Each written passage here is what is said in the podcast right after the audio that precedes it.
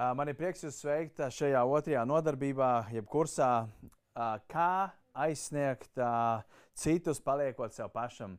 Ja es varu palūgt arī pirmo slaidu uz ekrāna, un tad mēs redzēsim, kas ir šī šodienas tēma. Ja jūs atceraties, pagājušajā nedēļā mēs runājam par tēmu, kāpēc kļūt par pievilcīgo kristieti, un tāpēc šoreiz šī tēma ir, ne, kā aizsniegt citus paliekot sev pašam, un, un varbūt tas nedaudz mulsim, bet kā es varu sludināt evaņģēlīju, nekļūdams kaut kas, kas es neesmu, jeb neuzspiežot darīt sev kaut ko, kas es patiesībā neesmu. Līdz ar to, kā es varu dalīt, uh, dalīties ar evaņģēlīju. Un apskatīsimies šajā nodarbībā uz evaņģelizācijas veidiem, kurš ir tieši tev. Um, kuru tu varētu lietot, uh, lai atrastu savu šo stilu, kurš ir tavs evanģelizācijas stils.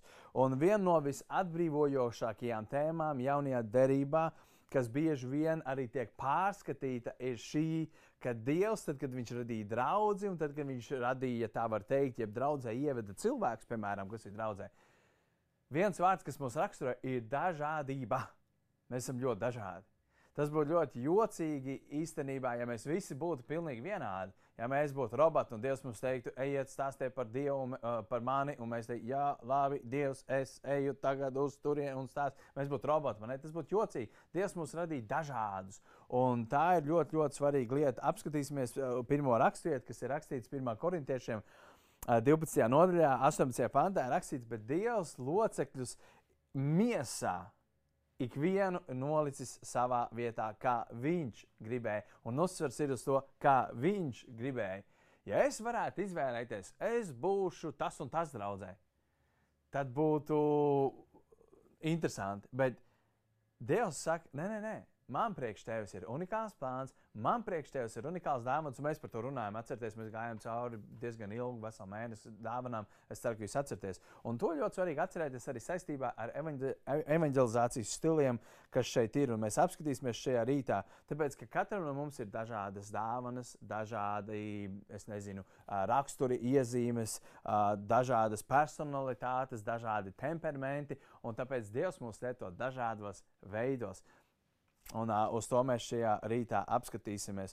Un kā mēs visi redzēsim Bībeles lapas pusēs, tad arī Jēzus sekotājiem, vai tie bija viņa mācekļi, vai tie bija kādi citi cilvēki pēc tam, vai kādas personas Bībelē, viņi bija ļoti dažādi. Mēs apskatīsimies uz sešiem dažādiem evanģelizācijas veidiem.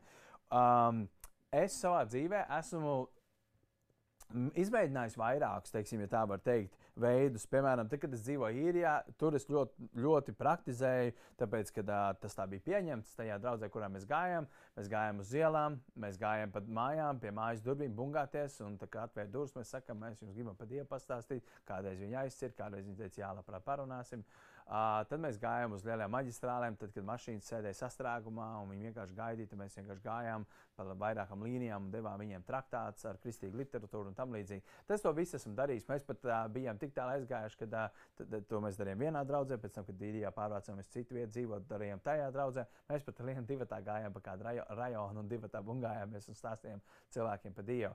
Uh, esmu mēģinājis uh, citus veidus, arī individuāli sarunājoties, skaidrot rakstus. Esmu mēģinājis arī stāstot kaut kādas liecības, ko Dievs ir darījis manā dzīvē, kā tas var ietekmēt viņu. Uh, un kamēr es esmu šos veidus darījis, es varu pateikt, piemēram, vienu es atceros, tad, kad es, mēs gājām bungāties pa mājām, man bija nenormāli kauns, nenormāli kauns. Es patiesībā tā es cerēju, ka neatvērtu durvis, piemēram, īpaši kāda, pie kādas mājas stāvēja kaut kāds krūts bambīts vai kaut kāds leksus. Man bija tāds, ka noteikti krūts cilvēks dzīvo. Es negribu, ka viņi redz man, kad es bungāju. Man bija kauns reāli. Uh, un, un man likās, ka tiešām man obligāti tādā veidā jāstāv cilvēkam pa Dievu. Un, uh, un, protams, ar laiku tu to dari īstenībā. Tas īstenībā, tad, kad tev ir viena laba saruna, tu saproti, wow! Mēs varējām būt, mums iecina iekšā, mums uzcienā tēju, un mēs runājām stundu pa Dievu. Tas bija tik labi man, un liekas, jā, tas ir tas, ko es gribu darīt. Bet um, atbraucot uz Latviju, es arī uzreiz sāku iet pa ielām. Uh, es atceros, tajā laikā mēs gājām, bij, bijām Pāvila draugzē, un es aicināju cilvēkus nākt uz ielām. Rea, reāli tie bija daži cilvēki, kas nāca. Un, uh, ejot uz ielām, es sapratu, reāli Latvijā tas nav labākais veids. Tas nav tā, ka to nevar darīt, bet Latvijā cilvēki ir vēl noslēgtāki. Viņi negrib runāties, viņi neatvērsies kaut kādam sešniekam uz ielas. Un tomēr Dievs to var sveitīt un lietot. Bet, es sapratu to, ka kā, kā ir dažādas kultūras, teiksim, kas strādā Amerikā, kas strādā Īrijā, kas strādā Latvijā, kas strādā Ķīnā. Nav tā, ka ir viena metode, kas strādā absolūti visur. Kaut kur kaut kas strādās vairāk, kaut kur kaut kas strādās mazāk. Un tieši tādā pašā veidā, kā ir dažādas kultūras, kur viena lieta strādā, otra lieta nestrādā, tāpat tās ir dažādi evanģelizācijas stili, kur viens strādā vienam, bet nestrādā otram. Un tāpēc Tāpēc, ka jūsu draugs mācītājs Toms ir izteikts evanģēlists, ja jūs to nesat pamanījuši, bieži vien jums ir ļoti viegli salīdzināt sevi ar mācītāju. Tas ir tas, ko jūs automātiski bieži vien darat. Jūs domājat, o, oh, jā, es tā nekad nevarētu, piemēram, o, es nekad tā nevarētu, vai es nekad tā nevarētu. Un tāpēc jums ir ļoti labi, es gribu iedot šajā rītā, lai jūs saprastu to, ka man Dievs ir iedevis vienu veidu, un patiesībā, jā, un tev Dievs ir iedevis citu veidu, un kādam ir iedots tas pats, kas man, bet kādam ir iedots cits veids, un ja tu salīdzināsi ar mani, tad tas būs ļoti nepareizi. Un ja es salīdzinātu ar tevi, es teiktu, es nekad nespēju tā, kā tu to vari. Līdz ar to runa nav par salīdzināšanu, runa ir par to, ka mēs atrodam, kas ir tavs, un to mēs šajā rītā mēģināsim izdarīt. Tāpēc mēs iesim cauri šiem sešiem emanizācijas stiliem, lai tu atrastu savējo. Uh, kurš ir tev visvairāk, un kurš tev, nedar, uh, kurš tev dara vismazāk. Un, uh, lai jūs labāk to spētu izdarīt, es jums iesūtīju, kad jums ir jāizpilda tests. Ja gadījumā kāds nebija izpildījis testu, viņš ir atrodams un šeit jūs redzēsiet uz ekrāniem, e-punkts uz starpsvītra liecini. Ja gadījumā kāds vēl viņu nav lejuplādējis, tu vari uzspiest uz šo linku, tu tiks aizvests un izvēlēsies otrā nodarbību. Tur ir kaut kāds 11 lapas, tur ir tests, tur ir testu apraksts, tur ir testu izklāsts. Un es aicināju jums izpildīt viņus, lai tad, kad jūs šo svētdienu skatītos, jums būtu uzreiz vieglāk. Bet tas īstenībā nemaina neko tik daudz. Tu vari noklausīties svētdienu un pēc tam izpildīt testus un saprast, ah, tas ir tas, par ko viņš runāja. Bet, ja gadījumā tu izpildīsi un tu jau priekšā turi atbildžu variants, un tu redzi, jā, ka tev ir šitas un šitas, tie ir tie divi top, tad īpaši uzmanīgi klausies, tad, kad es skaidrošu tieši šos divus stilus, kas ir tev. Un, um, ja, ja, ja gadījumā kāds nav aizpildījis un jūs sekojat līdzi no mājām, nav problēmas piespiest pauzi. Izpildīt to testu un tad atgriezties un turpināt skatīties, bet jūs noteikti varat darīt, kā jums ir ērtāk. Um, Varbūt tā, ka tev ir viens izteikts evanģelizācijas veids, tu redzēsi, ka viņš ir reāli augšām pāriet un noiet zemāk. Varbūt tā, ka tev ir divi gandrīz vienādi vai pat ar vienādu punktu skaitu. Varbūt tā, pat, ka tev gandrīz trīs stili ir uh, ar, teiksim, gandrīz vienādu punktu skaitu. Tā arī var būt un varbūt dažādas kombinācijas, un mēs katrs esam unikāls, par to neuztraucieties. Bet es domāju, ka šis palīdzēs tev vismaz nedaudz vairāk saprast to, kas tu esi, un tikpat svarīgi saprast to, kas galīgi nav tavs stils. Tas nenozīmē, ka tu nekad to nevari darīt. Bet tas nozīmē, to, ka rezultāti visticamāk būs vairāk tajā stilā, kurš ir tavs. Un tagad, kad mēs skatīsimies šajos izdevuma materiālos, es aicinu, ka jūs sekot arī līdzi, jo tur būs pieraksts priekš katra stila, uh, kur tu varēsi pierakstīt kādas piezīmes, un tur ir arī kādas atbildes pierakstītas un atstātas kaut kur brīvas vietas, kur tu vari pilspā ierakstīt. Tas vienkārši jums palīdzēs sekot līdzi uh, tam, ko es jums šajā rītā skaidrošu. Um, Labi. Pirmais stils. Un uh, pirmais stils, kā mēs redzam, ir tiešais stils. Tiešais stils, pat aizno. Uh, tas ir uh, stils, kur mēs apskatīsimies uz Bībeles piemēru, kādu cilvēku, kurš Bībelē bija ar šo tiešo stilu. Tas bija neviens cits kā apustulis Pēteris, jeb māceklis Pēters, kurš nekad nevarēja savu muti paturēt aiz zobiem, vienmēr viņam bija kaut kas jāpasaka. Tāpēc neizbīgi to, ka Pēters ir ar tiešo stilu. Un mēs apskatīsimies kādu notikumu apustu darbu otrajā nodaļā. Tas ir notikums pēc tam, kad Jēzus Kristus ir aizgājis uz debesīm, kad Jēzus Kristus ir um, atnācis, aizgājis uz debesīm, un, un viņš ir devis savu svēto gāru. Viņš ir tikko nonācis pie mācekļiem, viņi bija sapulcējušies vienā telpā, un tad viņi izgāja uz ielām, un Pēters sāk sludināt evaņģēliju. Viņš nostājas lielu pūli priekšā, un vairāk tūkstoši tajā dienā stāvēja un klausījās Pētera vārdos, un, un tas viss notika Jeruzalemē, pilsētā, kurā pār, dažas nedēļas atpakaļ Jēzus tika piesists krustā. Un Pēters uz šo pūli runā patiešo. Viņš nerunā maigi, viņš tur, kā saka, neatšķaida vēstu. Viņš patiešo belž viņiem tā, kā ir. Un viņš saka ar vārdiem, viņš saka, jūs piesitāt Jēzu krustā. Jūs bļāvāt, lai viņa asins nāk par mums un mūsu bērniem. Jūsu grēki ir tie, kas piesit Jēzu Kristā, un jūs esat vainīgi, un jūs esat nepatikšanās ar Dievu. Tāpēc atgriezieties no grēkiem, liecieties, un, un tad, ne, un pirms, pirms tam, pirms Pēters pasaka, kas viņiem jādara, tad, kad viņš bija teicis, jūs esat vainīgi, un jūs esat vainīgi, tur ir rakstīts, un ir ļoti svarīgi ieraudzīt, tur ir rakstīts, un šie vārdi sāpīgi ķēra viņu sirdis. Sāpīgi, viņiem bija tāds, oh! Un tad Pēters saka, atgriezieties no grēkiem. Nožēlojiet savus grēkus un liecieties kristīties, lai jūs saņemtu grēku piedošanu un svētā kāra dāvanu. Un um, Pēters bija tieši. Pēters teica, visu vai neko. Viņš gribēja ko, ko Pēters gribēja savā dzīvē, to viņš panāca. Viņš zinās tam pakaļ. Ja jūs atceraties par Pēteru, kādā reizē, kad viņš ieraudzīja Jēzu, viņš izlaiž no laivas un peldēja Jēzu pakaļ. Kādā pretī, kādā citā reizē, kad mācekļi ieraudzīja, ka Jēzus staigā pūdenes virs, Pēters saka, ja tu tas esi, tad ļauj man kāpt ārā no laivas un iet pie tevis. Tad citā reizē, tad, kad Jēzus apcietināja, Pēters izlauks zobenu, cērt viņam pausīm un nocērt ausi. Un tad, kad Jēzus uzdeva jautājumus, tad, kad visi klusēja, Pēters, uh, Jēzus, man liekas, ka es zinu pareizi atbildēt. Viņš vienmēr bija pirmais, kurš runāja. Un Jēzus bija, prot, uh, Pēters bija, protams, tas, kurš Jēzum teica, Jēzu, ja viss tie tev nolieks, es tev nekad nenoliekšu. Un ja man tevi ir jāmirst, lai tā notiek, bet tev es nekad neaizliekšu. Un, protams, mēs zinām, kas notika. Pēters bija tieši tāds viņš bija, un tāda bija viņa personalitāte. Un tieši šāds evanģelizācijas stils Tieši patiešo, bez jebkādiem apkārtceļiem, Jēzum, jeb Dievam bija vajadzīgs. Tad, kad Svētais Gars nāca, tad, kad bija atnākuši jūdi, viņš patiešo pateica, un 3000 cilvēku tajā dienā pieņēma Jēzus Kristu kā savu kungu un glābēju. 3000. Tad, kad viņš patiešo novēlza tā, ka zāle neaug. Nebija šajā notikumā nebija vajadzīgs neviens no citiem stiliem, bet viņam bija vajadzīgs tieši šis tiešais stils. Un tagad apskatīsimies uz raksturu iezīmēm, kādas piemīt uh, cilvēkiem ar šo evanģelizācijas stilu. Parasti viņš ir pārliecinošs, viņš ir uzstājīgs un viņš pat taisno iet pie galvenās tēmas. Viņš, viņam nepatīk runāt aplinkus.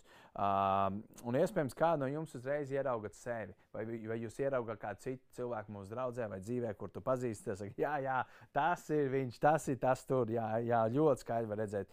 Un, um, iespējams, tev, ja tu esi ar šo stilu, iespējams, tev nekad nebūs tāda iespēja, ka tu varēsi runāt uz tūkstošiem.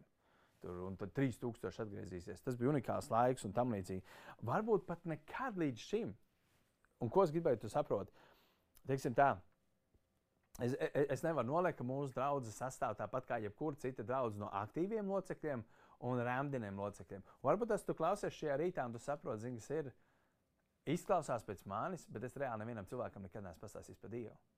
Un tas nav ok, bet tas, kas ir ok, ka tu atskārs to, ka, hei, šis ir mans stils, bet es nekad to neesmu izmantojis. Varbūt tas tu šo stilu, iz, stilu izmanto skolā, varbūt tu viņu izmanto biznesā, varbūt tu viņu izmanto jebkur citur. Tu esi ļoti tieši tu esi tāds cilvēks dzīvēm bet tu nekad to neesi izmantojis evanģelizācijā. Un mans aicinājums un iedrošinājums priekš tevis ir, lai tu apzinājies, ka šis stils, jā, viņš var kādreiz izdarīt pāri un varbūt pateikt, un tā viena bīstamība, ka jūs pēc tam lasīsiet stila aprakstu, tur būs jāuzmanās no tā, kā tu to pasaki, to vēstu. Dažreiz tu vari aizvainot un netrāpīt un, un izdarīt pat pretēju efektu. Bet lielākoties, tad, kad tu viņu izmanto svētā gara spēkā, milzīgi rezultāti var notikt. Mums ir vajadzīgi ļoti daudz cilvēku ar šo tiešo stilu, un, protams, viņi ir. Viņi vienkārši jāceļās augšā un jāsāk lietot. Un, ja tu ļausi svētiem garam lietot tevi, Tas, ko tu vari darīt, tu vari nožēlot, tu vari teikt, Dievs, piedod, ka es nekad to neesmu izmantojis. Jā, es redzu, ka tas ir mans.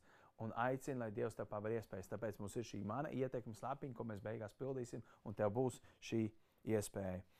Un, um, Un izdevums materiālos pašā beigās jums tie, tieši zem šī stila jums ir atstāta brīva vieta, kur ierakstīt kāda cilvēka vai vairāk cilvēku vārdus, kurus tu zini, kuriem piemīt šis stils. Pierakst.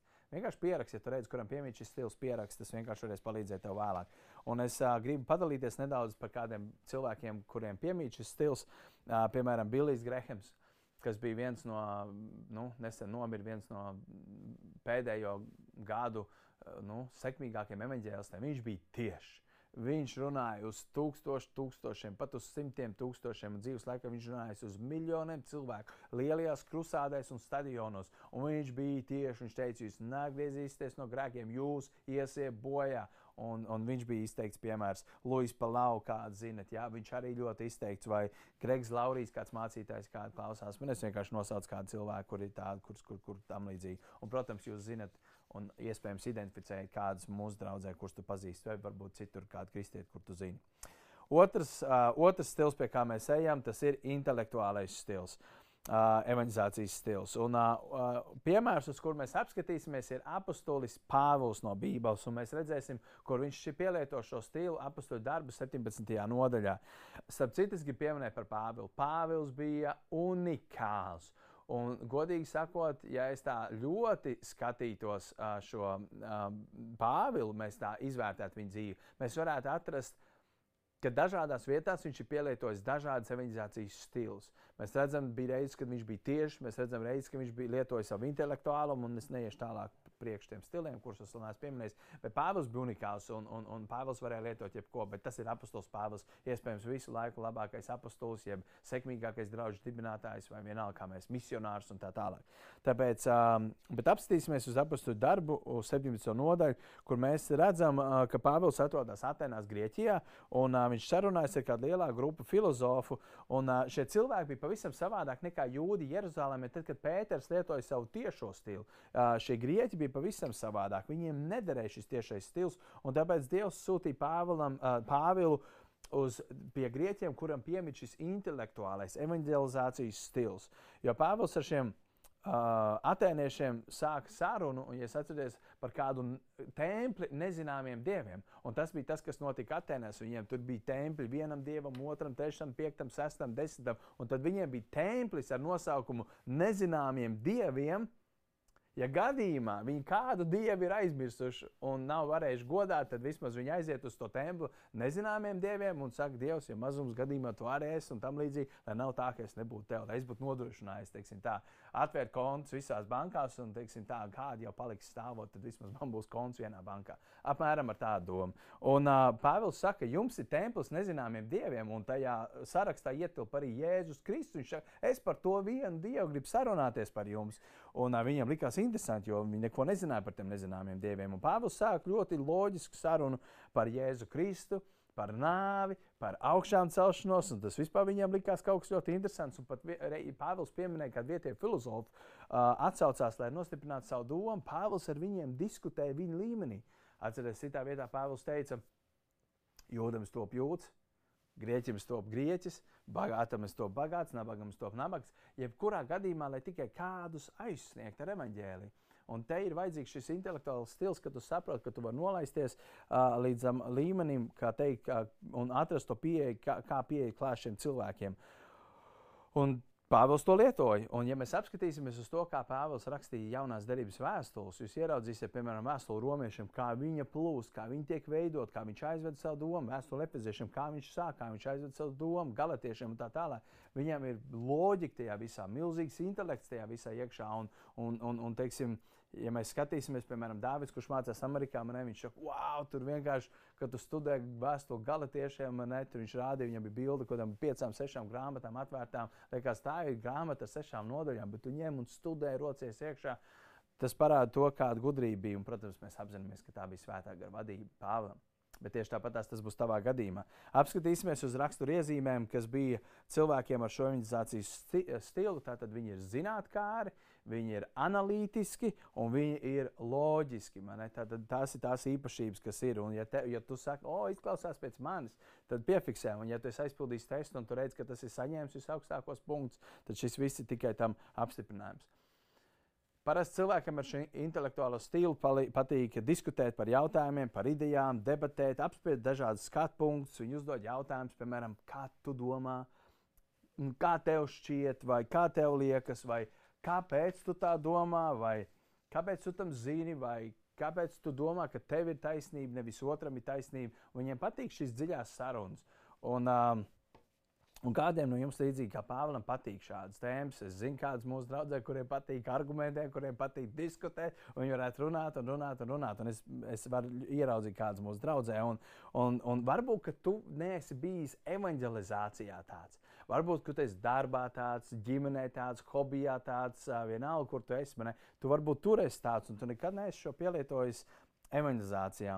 Jo redziet, Pasaule un laiks, kurā mēs dzīvojam, šobrīd ir ļoti sarežģīts.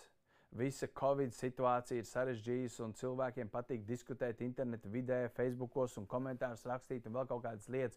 Un katrs mēģina izteikt savu domu, viņam šķiet, ka viņi ir taisnība. Tāpēc ir svarīgi šie intelektuālie cilvēki, tā var teikt, ar šo evanģelizācijas pieeju, kas spēj uzdot pareizos jautājumus un norādīt uz Jēzu Kristu visā šajā laikā. Un, um, Un es, jo, jo pasaule, kur mēs dzīvojam šobrīd, ir absolūti nedroša. Viņa ir pasaulīga un kristīgās vērtības tiek pazeminātas līdz minimumam. Pagājušā nedēļā es, um, man atsūtīja kāds brālis no mūsu draudzes, man kādu video, 20 minūšu par sievieti Dānijā, kas uh, iet cauri. Tagad tas ir svaigs notikums. Tagad, uh, viņas draudzene, teiksim, Dānijā, jūs zināt, visi šie geju parādus un praidu un visas tās ten, uh, kuras absolūti Bībeli nosoda, un tas ir grēks. Tur nā, tā nav nekāda slimība, tas ir absolūti grēks, un mums jāsauc lietas īstajos vārdos. Un šī sieviete bija šokā, ka viņas baznīca, kurā viņa pieder, bija atbalstošs un pret šo praidu un teica, jā, vai to vajag, darām un tam līdzīgi. Un viņa, par cik tas viss tā diskusija notika Facebookā, ne Twitterī, tad viņa Twitterī vienkārši nofotografēja Bībeles pāntu, ja nemaldos no romiešu vēstules, un parādīja to, ka Bībele tomēr neatbalsta, kā mēs kā draugi varam atbalstīt. Un tajā brīdī bija kādi cilvēki, kuriem tas ļoti nepatika, ko viņi uzrakstīja. Patiesībā viņa bija parasta sieviete, viņa bija parlamentā, viņa bija doktors un daudzus gadus bijusi parlamentā un bijusi milzīgos amatos. Tad viņa ir ļoti atpazīstama dāma Dānijā. Un, uh, Dānijā, jā, Dānijā. Un, uh, viņa ir vesta tiesas priekšā, viņa ir apsūdzēta par naida runu. Un, uh, viņa tika pratināta policijā. Viņa tika pratināta, un kas bija ļoti interesanti, ko pateica šī galvenā uh, tiesvedības vadītāji, vienalga, kas viņi tur bija, kas iztiesāja viņas tiesu, viņi teica, tā ir ok, ka jūs, kristieši, teiksim, tur, ka jums tās bībeles stāv bibliotekās vai vēl tur kaut kur, bet nav ok, ka jūs viņus ņemat ārā, lasot un ticam, kas tur ir rakstīts. Tas nav ok, tie laiki ir pagājuši, bībele ir vecas, jo ir jauni noteikumi. Un tajā brīdī tu saproti patiesībā, kādā laikā mēs atrodamies. Un es nezinu, kā viņas tiesa beigsies. Viņai draud cietumsots, viņai draud naudas sots. Nezinu, bet kādā ziņā viņai ir milzīgs atbalsts no visas Eiropas. Daudz kristiešu no daudzām valstīm viņai sūta iedrošinām vēstules. Pat tie, kas ir, viens parlamenta cilvēks, kas bija blakus, kurš arī pats ir homoseksuāls, atbalstīja, jo viņš saka, ir ok, ka tu izsaki savas domas, bet tas mums tiek paņemts projām. Un kāpēc es to saku? Šajā laikā īpaši kur Bībeles vērtības tiek apdraudētas. tas, kas bija ok, tas vairs nav ok, un tas, kas vairs nav ok, tas ir ok tagad. Tas ir pieņemams, tas pat ir vēlams. Šajā brīdī mums ir vajadzīgi cilvēki ar šo intelektuālo pieeju, kas var uzdot intelektuāls, gudrs jautājumus, svētā gara vadīts jautājumus, un nevis strīdoties, nevis ar naidu, nevis sitot pa sevi viens otram un kaujoties, kurš stiprāks, bet pazemībā, uh, novākt no šos visus uh, izveidojušos mēlus un tam līdzīgi. Un tāpēc raksturvietas, kur mēs apstīsimies, ir 2. korintiešiem 10, kur ir rakstīts, mēs apgāžam prātojumus un visas augstprātīgās iedomas, kas paceļas pret dieva atziņu un uzvaram visus prātus, lai tie ir kristum paklausīgi. Kas man šeit patīk, mēs apgāžam šos prātojumus, šīs augstprātīgās iedomas, to grēku, kas nāk iekšā, mēs to apgāžam, kā mēs to apgāžam. Dieva vārdu spēkā svētā gara spēkā. Un tāpēc mums ir ļoti vajadzīgs šis stils, kas, uh, nāk ar, kas, kas ir ar, šitām, ar šo, šo intelektuālo. Un uh, atkal izdevums materiāls beigās jums ir atstāta vieta, kur jūs varat ierakstīt kādu cilvēku, kuru jūs pazīstat, kuram ir šis stils.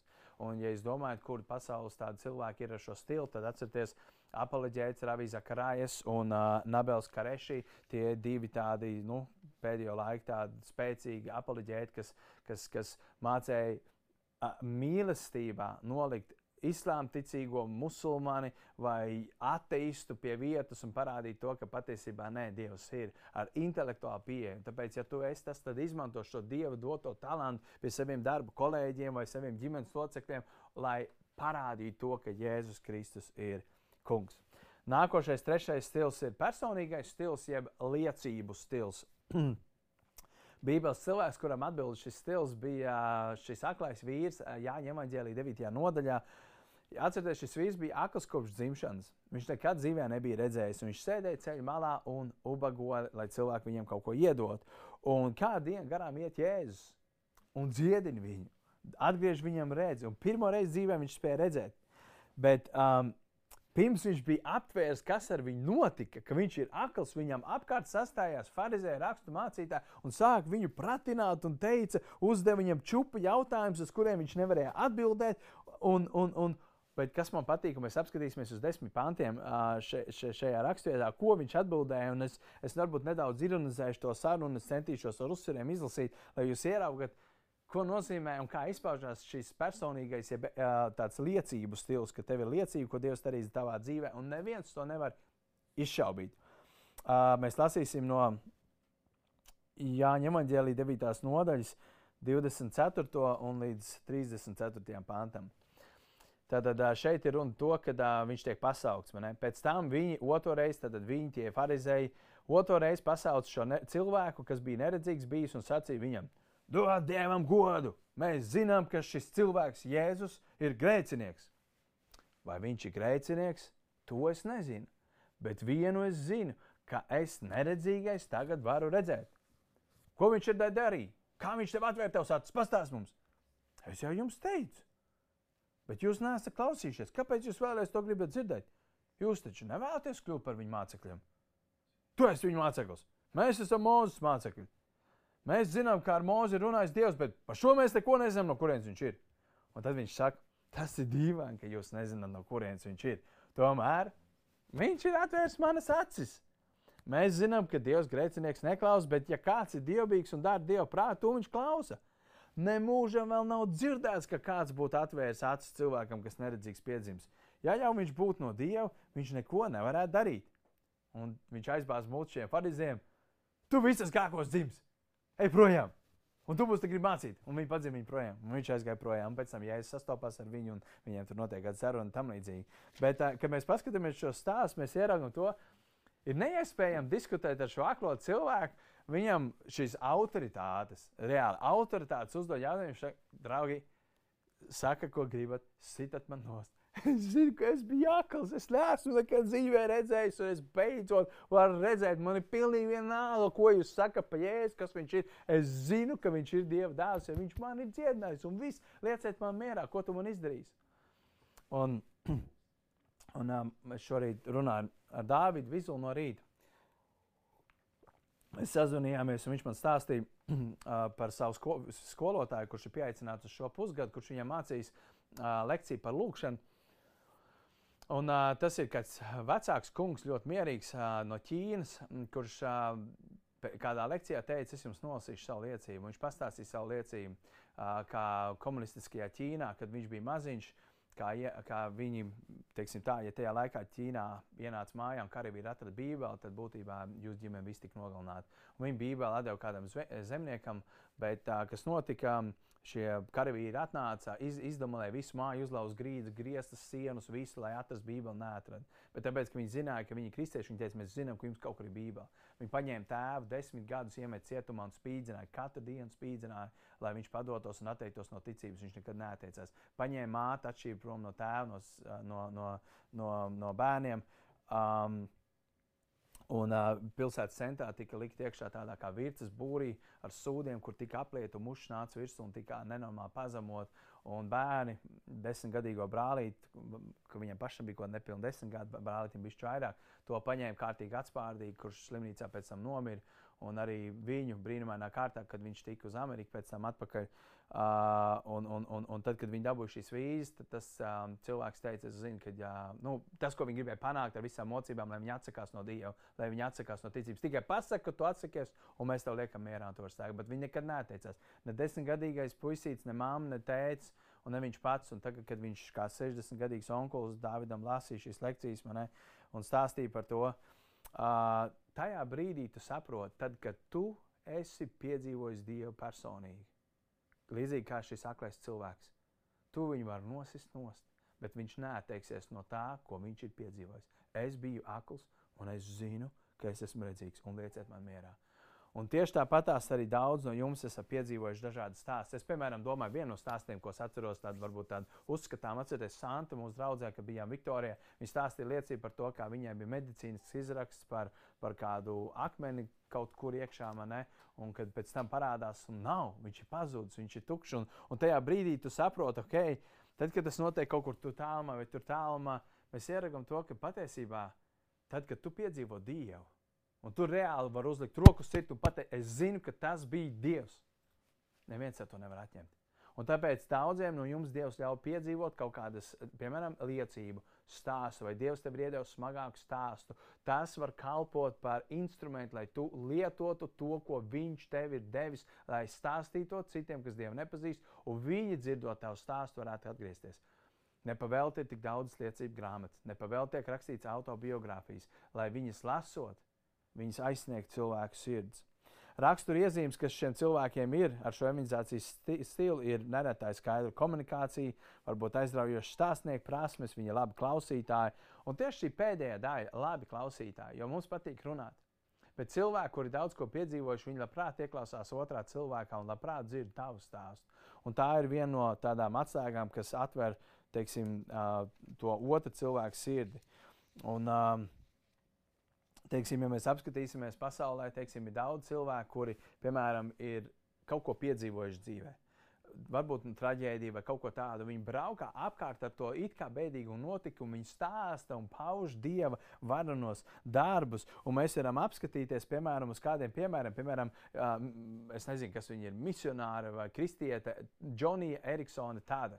Mēs daudz no jums pazīstam. Viņa ir meitene, kur 18 gados leca ūdenī ar galvu pa priekšu, salā uz muguru kālu un palika paralizēta visu dzīvi. Šobrīd viņai ir diezgan veca gados tante, bet viņa ir aizsniegusi miljoniem cilvēku, kur viņa ir kā invalīds, ir braukājis apkārt un palīdzējis miljoniem invalīdu. Viņa no sākuma nevarēja saprast, kāpēc man ir jāpiedzīvo tāds stāsts, tāds notikums manā dzīvē. Tagad viņš saprot, ka tas ir bijis Dievam par godu. Arī Niks Vujičičs to esat dzirdējuši, tas uh, vīrietis bez rokām un bez kājām. Mēs varētu teikt, pilnīgi bezcerīgs variants. Un tomēr viņš ir aizsniedzis, un mēs skatāmies un sakām, nu jā, viņš ir unikāls, un viņam ir kaut kas tāds, un cilvēkiem ļoti žēl. Mēs vienmēr skatāmies citiem, mums liekas, citiem ir kaut kas vairāk nekā man. Vai, piemēram, paskatīsimies, pavisam te patās Raimunds Anzinos.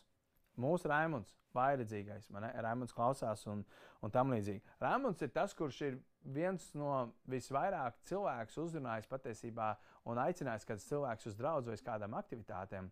Un šis notikums, šī viņa liecība patiesībā ir kļuvusi nevis par šķērsli, bet drīzāk par to, ka viņš var kādus cilvēkus vilkt tuvāk pie sevis. Tāpēc tas, kas no vienas puses tev šķiet par zaudējumu, Dievs var lietot tavu zaudējumu, lai tevi lietotu un vestu vairāk cilvēku klāt pie sevis. Džons Ramīres, kādu no jums esat dzirdējuši viņa liecību, bijušais sātanists, kas nav dzirdējuši angļu valodā, arī krievu valodā, ir divu stundu liecība. Ļoti laba liecība, kur viņš pastāsta, kā viņš kā sātenis būdams visas naktas garumā. Viņš saka, iedomājieties, kristieši, jūs nākat uz dievkalpojumu svētdienā vienu stundu vai pusotru stundu svētdienā. Viņš teica, mēs katru nakti pa desmit stundām pielūdzam sātanu. Un mēs jūs pusdienās apēdam tādu kristietību, kā jums ir. Un tad, kad tāds cilvēks nāk pie Kristus, liekas, wow, kas par liecību tam līdzīgi, vai vēl kādu cilvēku. Tāpēc, ja tu jūti, ka Dievs ir darījis tavā dzīvē kaut ko, un tev ir kāds stāsts, ko tu vari stāstīt, no kā Dievs tevi ir atbrīvojis, izglābis un tam līdzīgi. Ej un dalies, nesēdi virsū uz to, netur to kā sveicis zem pūra, bet cel to gaismā, lai citiem cilvēkiem tas var būt par svētību. Tas bija trešais stils. Ceturtais stils ir attiecību stils. Uh, un Bībeles piemērs, uz ko mēs apskatīsimies Lūkas uh, evanģēlijā, ir uh, māceklis Matejs, kur Jēzus viņu aicina. Mēs apskatīsimies uz raksturvietu Lūkas evanģēlijā. Ir rakstīts, un Levijs, tas ir Matejs, taisīja Jēzum lielu mielasu savā namā, un tur bija liels pulks muitnieku un citu, kas kopā ar viņiem sēdēja pie galda. Matejs bija bijušais muitnieks, kurš bija nu, pat nācis pie ticības. Un tad, kad viņš saprata, ka viņam ir čupa ar neticīgiem kolēģiem, viņš saprata to, ka, hei, Viņiem arī ir vajadzīgs jēzus. Viņi arī ir pazuduši. Un viņš sāk aicināt viņus pie sevis uz mājām. Viņš sāk veidot, viņš, viņam jau ir izveidot šīs attiecības, viņš izmanto šīs esošās attiecības, veido, jaunas attiecības, lai vēstu cilvēkus tuvāk Jēzum. Tur rakstīts tam, ka mēs esam tālāk, un viņi pēc tam gāja un seko Jēzum Kristum. Viņš uztaisīja lielu mīlestību, uzaicināja Jēzu un uzaicināja savus draugus. Un šāds stāsts patiesībā mums stiprina, jo savā ziņā mēs saprotam, hei, Tas jau ir kaut kas, ko katrs no mums varētu darīt. Un arī šeit es gribētu apzināties to, ka ir kādi, kuri īpaši ir ar šo viesmīlības dāvanu, kuri ir gatavi atvērt savu māju, vai kuri ir gatavi aiziet uz kafejnīcu, kurš ir gatavs veltīt divas, trīs, piecas stundas sarunā ar vienu cilvēku, jo tu esi šis attiecību cilvēks, un tas ir veids, kā tu aizsniedz šos cilvēkus. Un šiem, šiem cilvēkiem ar šo stilu izdodas izveidot dziļas un noturīgas attiecības.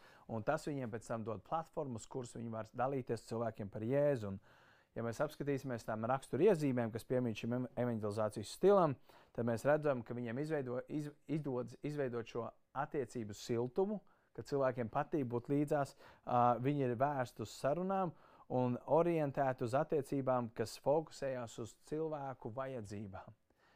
Viņi pavada daudz laika, un viņi zina, kas notiek viņu dzīvēm. Viņiem nav tik svarīgi jauns sasniegums, jauns idejas vai vēl kaut kas, bet viņiem svarīgi vienkārši pavadīt laiku kopā ar otru cilvēku. Un, um, iespējams, viņi nebūs tie, kuri pārklieks. Viņi vienmēr tiks pārklieti, viņi vienmēr klusēs. Baznīcā viņi varbūt sēdēs, rētu reizi iznāks pastāstīt kādu liecību, bet viņi kļūst aktīvi tad, kad viņi nonāk viens pret vienu. Viņi kļūst aktīvi, tad, kad viņi nonāk mazajā grupā. Tur viņš sāk justies tādā kā savā, savā ādā. Jo tas ir tas, kāds viņš ir, tas ir tas, kā Dievs viņu radījis. Un tāpēc tādam cilvēkam viņš dod nevis tiešo stilu, bet viņš viņam dod šo attiecību stilu. Un, uh, man patīk tāds teiciens, kādā mazā mājas grupas materiālā nosaukums bija liels lietas, notiek mazās grupās. Un tā ir patiesība. Tiešais stils var aizsniegt daudz cilvēku un veselu čupu izglābt uzreiz, bet attiecības stils būs tas, kurš var ieiet dziļāk un aizsniegt smagākos cilvēkus, kuriem ir smagākas vajadzības. Viņiem varbūt ir vajadzīgs viņus uzklausīt un tam līdzīgi. Un, uh, un atcerieties, uh, kad uh, pagājušajā reizē, kad mēs runājām, ka draugi ieklausās draugos. Un attiecības stilā šī ir atslēga. Viņiem ir attiecības izveidotas ar kādiem draugiem, un viņi spēj runāt par absolūti jebkādu tēmu. Jautājums tev! Vai nav tā, ka varbūt tās tev ir šīs, tu, tu klausies, tagad, o jā, es tas esmu? Jautājums. Vai tu šo stilu esi izmantojis, lai izveidotu vai pastāstītu kādam par Jēzu Kristu? Varbūt tas, ka tu esi vienkārši veidojis, jums patīk runāties par seriālu, jūs varat norunāt par kaut kādu stēles seriālu, trīs stundu garumā un vēl par kaut kādām lietām, un tu esi ritīgais attiecību cilvēks un tam līdzīgi, un jūs varat runāt par visādām lietām, bet jūs nekad nenonākat līdz tam, hei, klausies, kā ir tavs vēseli, kur tu nonāki, ja tu nomirti? Un tāpēc varbūt tas, kas tev jānožēlā, ka tu esi bijis virspusējs, un, tur, un varbūt tas pat liekas, nu, nē, mēs par Dievu runājam. Bet tikai tāpēc, ka jūs runājat par Dievu, nenozīmē, ka jūs runājat par evaņģēliju, jo cilvēkam vajadzīgs evaņģēlijs. Un tāpēc varbūt tas tev ir jālūdz, lai Dievs tev dod spēku iet vēl dziļāk, iet iekšā evaņģēlijā. Nākošais stils, uz ko mēs apskatīsimies, ir aicinošais stils. Un mēs apskatīsimies uz kādu ļoti spilgtu piemēru Jāņa Evanģēlī 4. nodaļā. Un uh, cilvēkiem ar šo stilu izveidoja, uh, ar šo stilu, jā, mēs apstīsimies uz sievieti. Samariešu sievieti. Atcerieties, 4. nodaļa, kur Jēzus satiek pie akas samariešu sievieti. Un, uh, Un patiesībā, dodoties uz Samariju, Jēzus pārkāpa ļoti daudz tā laika nerakstītus, ja mutiskos likumus. Viņiem bija aizliegts, ja pie samariešiem viņi vienmēr gāja apkārt otru pusi upē, lai nebūtu jāpieiet. Un vi, tāpēc tur notika totāla diskriminācija. Un tas ir tas, starp citu, kas notiek šodien. Tev nav vakcīna, tu slikts, tev nav QR kods, tu slikts, tu slims, tu tāds. Tas ir trakums, ka mēs tiekam šķirot pēc kaut kāda QR koda digitāli, un, ja tev tas telefons nobrūk, tu arī nekas neesi, vai tev nav līdzi dokuments vai kaut kas tamlīdzīgs. Jēzus neko no tā neievēro. Jēzus bija vienalga, ko sabiedrība saka, Jēzus bija vienalga, ko teica tradīcijas. Viņš saka, es gribu iepiet tās samariešu sievietes. Kāpēc? Es viņu mīlu. Man viņa ir svarīga, un man ir svarīgs tas samariešu ciemats. Tas nekas, ka jūs viņus ienīstat, tas nekas, ka jums ir naids savā starpā, bet man interesē gan viena, gan otra. Un tādiem mums, kā kristiešiem, būtu jābūt. Un, un ja mēs apskatīsimies, kas šeit notika, Jēzus sarunā atklāja to, ka viņš ne tikai ir kaut kāds pravietis, bet viņš saka, es esmu Dieva dēls. es esmu Jēzus, es esmu Mēsīs, es esmu Kristus. Un tā saruna bija interesanta. Ja jūs gribat, jūs varat izlasīt pēc tam, man nekur nezinu šo stāstu, jāņemat 4. nodaļā. Uh, viņš atklāja viņai patiesību par viņu dzīvi, viņš atklāja kāds grēks, ko viņa darīs. Viņa saprot, wow, viņš zina tiešām par manu dzīvi. Un tajā brīdī, kad viņš atnāca, kad viņš izstāstīja visas šīs lietas, viņš saprot, viņš tik tiešām ir Kristus. Tur rakstīts, viņi nomet savu spaini, ūdens spaini, pēc kā viņi nāca citiem vārdiem sakot, viss tas, kas viņiem bija svarīgs tajā brīdī, viņi to pamet un steigš skrējas pilsētā, un viņi aizausies, ieskrien iekšā pilsētā, viņi saka, draugi, nāciet! Nāciet, skatieties, tur ir viens vīrs, kurš man pastāstīja visu, kas ir noticis manā dzīvē. Nāciet, jums noteikti tas ir jādzird, nāciet, nāciet. Viņš saka, ko, ko, ko, nē, lūdzu, nāciet, vienkārši atstāj visu, kas tev ir. Nāc, lūdzu, nāciet. Jūs noteikti pazīstat tādus cilvēkus, kuri ar entuziasmu tev noteikti jāatnāk uz baznīcu, tev noteikti jāatnāk uz jauniešu vakaru. Nāciet, nāciet, būs forši, tev patiks, nāciet, nāciet. Tas ir šis stils, šis aicinošais stils. Un mēs lasām, šī pilsēta pieņēma uzaicinājumu, šie cilvēki iznāca ārā. Un ko mēs lasām? Mēs izlasīsim dažus pāntus. Un te ir rakstīts, Jāņem Eģēlijā no 39. panta. Bet daudzi šīs pilsētas samarieši sāka ticēt Jēzum, dzirdējuši kā vārdus, sievas vārdus. Pateicoties šai sievai ar šo aicinošu evangelizācijas stilu, vesela pilsēta iznāca ārā, jo sieva apliecināja, viņš man visu pateicis, ko es esmu darījis. Šie samarietis nāca pie viņa un lūdza viņu palikt pie viņa, un viņš palika tur divas dienas.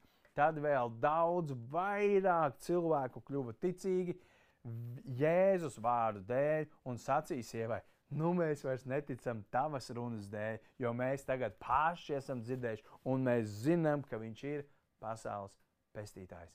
Wow! Tas ir pats pats skaistākais. Kad ir kāds cilvēks, un kas man īstenībā patīk, ka Dievs bieži lieto arī Mēs stāstām šovakar, šovakar, šodien. Mēs skatāmies uz kādiem. Man, tās ir daudzas arī sievietes. Tas nav tā, ka tikai vīrieši aicina. Jebkurš bērns par to var darīt, aicināt. Vienkārši nāc, nāc. Un um, vienas sievas paklausības rezultātā, nezinu cik daudz, bet es pārliecināts, tie bija simti un tūkstoši cilvēki, kas kļuva ticīgi. Bet tieši tāpat kā šai sievietei, tieši tāpat kādai no jums ir šis stils, un jums piemīt spēja ieinteresēt cilvēkus tajā, kas tev ir svarīgi. Iespējams, ka tu esi tāds. Ja klasē notiek, ja tas jaunietis, piemēram, notiek kaut kāds klases vakars, iespējams, jaunieši saka, ah, nē, mēs neiesim, es nezinu, balē vai žetonu vakars. Es nezinu, kas tur tagad mūsdienās notiek. Tagad nekas te notiek online. Ne? Neviens negrib iet.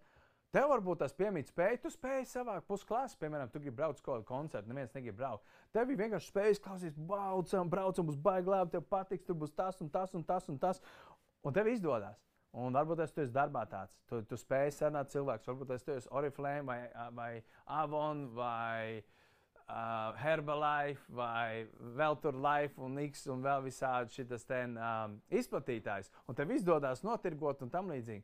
Varbūt tev ir jākļūst par aktīvu evaņģēlīju, ja tā var teikt, izplatītāju. Ka to šo aicinošo stilu aicina cilvēks. Es jums iedošu kādu, kādu statistiku. Pēc Džordža Bārnas pētījuma ir šāda statistika. Ka pēc aptaujas rezultātiem, kur tika intervēti uz draugu neejoši pieaugušie cilvēki, 25% no viņiem teica, ka viņi aiziet uz baznīcu ar savu draugu vai ģimenes locekli, ja viņi uzaicinātu. Bet viņi neaicina, un tāpēc viņi neiet.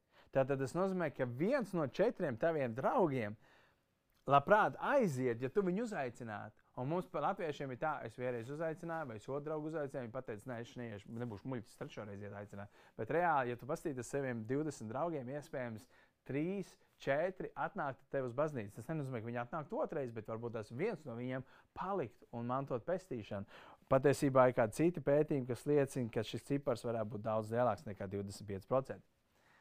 Tad, kad es esmu runājis ar kādiem no jauniešiem, kas ir sākuši uz mūsu jauniešiem nākt, tas ir nu, jau kādu laiku atpakaļ, Viņi teikuši ļoti interesantu lietu. Viņi teica, es jau sen gribēju uz to online atnākt. Īpaši tajā laikā, kad viņš mums bija vienkārši tad, pirms pandēmijas, tad, kad viss bija vaļā, mums plauka un zēle. Jaunieši teica vairāk man to. Es gaidīju, kad viņa tā klases biedriem man uzaicinās. Viņi neaicina mani.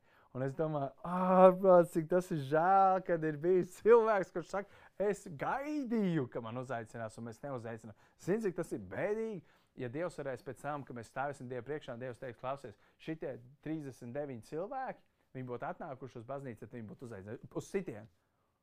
Tev būtu tāds, viņš nopietni, es nekad nebūtu aizdomājies. Līdz ar to apstīsimies uz raksturu iezīmēm, kas piemīt šiem cilvēkiem. Tad, tad viņi ir uz um, uh, viesmīlību. Ja? Viņi ir um, uh, teiksim, arī vērsti uz attiecībām, bet vairāk tā, ka iegūt jaunus draugus, uh, paziņu lokus visu laiku paplašinās. Viņi, protams, pārliecinoši, viņi zina, ko viņi runā un tam līdzīgi.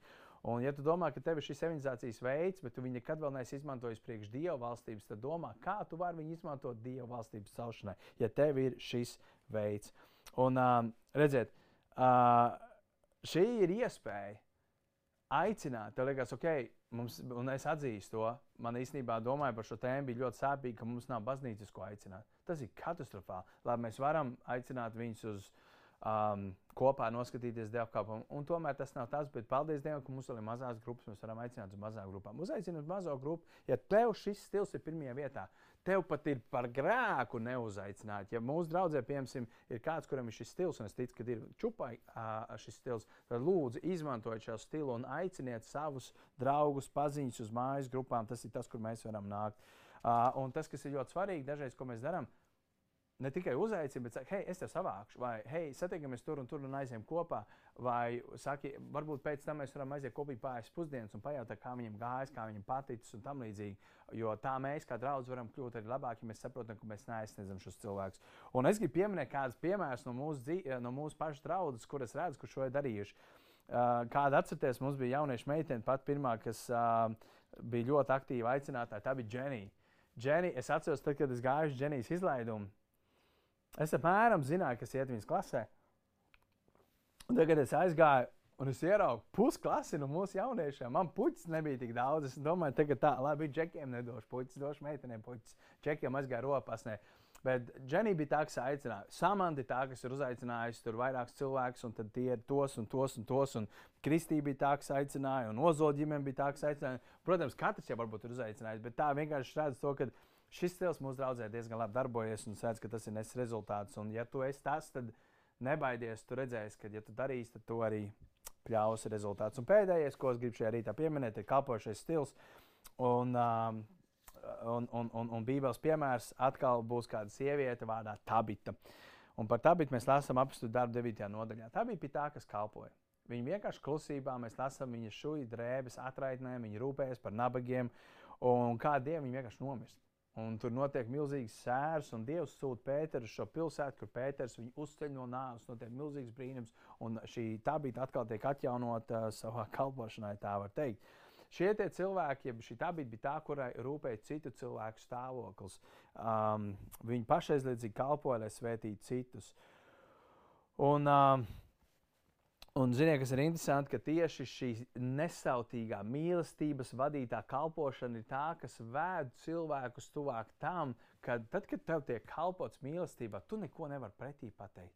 Tu saņem mīlestību, un līdz ar to ir grūti argumentēt pret mīlestības darbiem, ja tev kaut kas labs tiek darīts. Un tieši šī kalpojošais stils ir tas, kurš var aizsniegt vissāpinātākos, visnocietinātākos cilvēkus. Jo kalpojot viņiem, tas atkausē viņu sirdis. Un viņa laiks saprot, ka viņi var uzticēties tev, tāpēc ka tu esi gatavs atdot savu dzīvi viņiem. Un šis varbūt nebūs stils, kas aizsniegs tūkstošus, bet šis būs stils, kurš aizsniegs vissmagākos gadījumus, un, un, un tas būs ar milzīgu rezultātu. Un uh, raksturiezīmes, kas ir šim evanģelizācijas stilam, ir tie, kas uh, ir vērsts uz citiem, viņi darbojas klusībā. Uh, mēs par viņiem bieži vien nedzirdam, un, un, un, un, un viņi, viņiem, viņi tie, kuriem jāmācās milzīga pacietība, jo tas uh, darbs, darbs ir lēns, bet tad, kad viņš nes rezultātus, tie ir milzīgi un nenoliedzami. Līdz ar to, um, ja tu redz, ka šis ir stāv, stāvs stils, un varbūt tas, ka tu neesi nekad kalpojis ar domu, tu varbūt kalpo, kalpo, kalpo, bet tu nekad nestāsti par Dievu. Varbūt tās tas, kas tev ir vajadzīgs, tev vajag sākt viņiem pastāstīt par Dievu, tu kalpo un tā mīlestība varbūt ir atvērta. Viņi varbūt domā savā sirdī, kāpēc tu esi tāds, kāpēc tu esi savādāks, kāpēc tu to dari. Un varbūt tās ir laiks labos darbus apvienot ar tekstu, ar evaņģēliju, ka tu pasludini viņiem evaņģēliju par Jēzu Kristu. Un apskatīsimies, kāpēc tev ir vajadzīgs to darīt pacietīgi un nepagurdam, jo Galitiešu vēstulē 6. nodaļā, 9. pāntā ir rakstīts kāds pāns. Tad nu nepiekosīsim labu darīdam, jo savā laikā mēs pļausim, ja nepagursim. Atslēgvārds ir, ja nepagursim. Mums ir jākalpo. Un šis stils ir tas, kur ir vajadzīga milzīga pacietība. Nepagurst. Dievs redz, ko tu dari slepenībā. Tu varbūt netiec atalgots, tu varbūt netiec izsaukts un uzslavēts par to darbu un to darbu, bet Dievs, kas redz slepenībā, tev atalgos. Un tava alga ir liela debesīs. Turpini kalpot ar savu mīlestības dāvanu, ko Dievs tev devis, un meklē, kā to viņu var pagriezt, lai vēl vairāk cilvēkiem stāstītu par Jēzu Kristu. Un, protams, izdevums materiālos jums ir atstāta vieta, kur jūs varat ierakstīt kādu, kur jūs zinat, kuram piemīt šis stils. Un, kā jau es teicu, es vārdā nevienu nesaukšu, jo viņi bieži vien darbojās slepeni, un tu nemaz nezini, kuri tie ir. Un, um, Līdz ar to mēs esam apskatījušies uz visiem šiem sešiem evanģelizācijas stiliem, un tagad es gribu dot jums tādu iespēju vēl skaidrāk ieraudzīt, kurš stils ir tavs. Ja gadījumā tu esi aizpildījis, vai ja tu neesi aizpildījis, tu aizpildīsi, un pēc tam izdevums materiālos jums ir uh, tāds materiāls, ko sauc par uh, stilu izklāsts. Un, um, Pamatojoties uz stilu, uh, kur, cik tu saņēmi punktus, apskaties, kurš ir tavs top 1 un top 2. Un tad tajā stila izklāstā izlasi, kas ir rakstīts par šo stilu. Un tur būs kāda apgalvojuma, tu esi apgalvojumos ieraksts plusiņu, ja tas tev atbilst, mīnusiņu, ja tas neatbilst. Un apskaties, kas ir tie brīdinājumi, kas tev jāuzmanās tavā stilā, kas ir tās kļūdas, ko tu vari pieļaut. Un tas tev palīdzēs ieraudzīt, kas tu esi, kāds tu esi. Un tālāk mēs apskatīsimies manā ietekmes lapiņā, to, ko mēs pagājušajā sākām pildīt, ja jūs redzat tad uh, tas, kas jums ir jābūt, šeit jums ir jābūt aizpildītam. Tava, tava drauga vārds ierakstīts, un tas, ko es aicinu, ka jūs šodien izdarāt, šeit, kur rakstīts primārais stils, ierakst savu primāro stilu. Kurš ir tavs evanģelizācijas primārais stils? Ja gadījumā tev ir divi, ierakstu otru stilu šeit, ja gadījumā tev ir trīs, ierakstīja trešo apakšā zem otrā stila. Tāpēc ļoti svarīgi, ka tu viņus aizpildi. Un vēl, ja jūs redzat, šeit ir rakstīts nākamie soļi šajā vietā.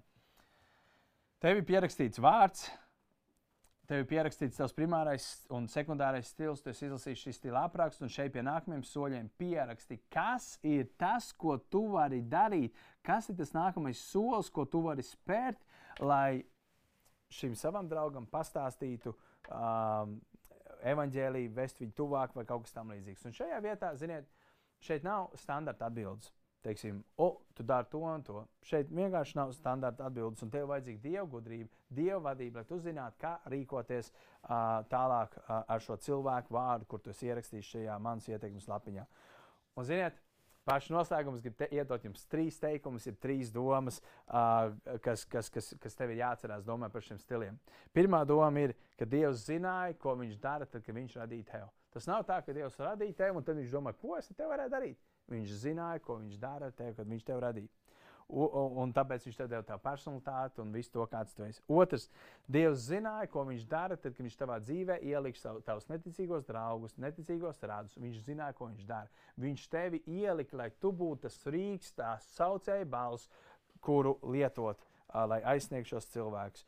Un trešais, Dievs zināja, ko viņš dara, kad viņš ielika tevi savā draudzē. Vai tu esi daļa no centra draudzes, vai tu esi daļa no citas draudzes, bet klausies šajā mirklī, šo, tad es gribētu zināt, ka viss, kas tev ir vajadzīgs, lai tu varētu kalpot, ir nodrošināts tavā lokālajā draudzē. Tāpēc, kad darbojoties kopā, nevis kā individu ejot, kā vien, vientuļie, nezinu, cīnītāji, bet kā draudzene mēs esam liels spēks. Tad, kad mēs saliekam visus sešus evanģelizācijas stilus kopā un ejam, darbojoties, aizsniedzot visa veida cilvēkus, mēs esam milzīgs spēks. Un uh, nobeigumā es gribu pateikt, ja tu vēlēsies Tu vari man atsūtīt savu rezultātu iznākumus, un tad es uztaisīšu tādu mazu mapītu, failiņu, kuras varēšu redzēt, mūsu draudzē ir tādi, tādi, tādi, tādi cilvēki. Viņi pieder pie tiem, tiem, tiem stiliem, un tad, kad atvērsies vaļā un mēs sāksim kaut kādas kalpošanas, es zināšu, ka es varēšu paņemt šo čupu ar šiem cilvēkiem teikt, hei, mēs plānojam sākt tādu pasākumu, man būs vajadzīgi uh, jūsu aicinošais stils, lai jūs aicinātu cilvēkus. Tad zināšu, griezties pie šiem cilvēkiem, teikt, hei, ko tu saki, ja tu varētu uz šo pasākumu uh, teiksim, sākt lietot īpaši šo savu stilu. Es ceru, ka tas jums varēja būt par svētību šajā rītā, ka tu atradīsi savu stilu, ar kuru Dievs tev ir devis, un tu viņu lietos, lai kalpotu ar viņu.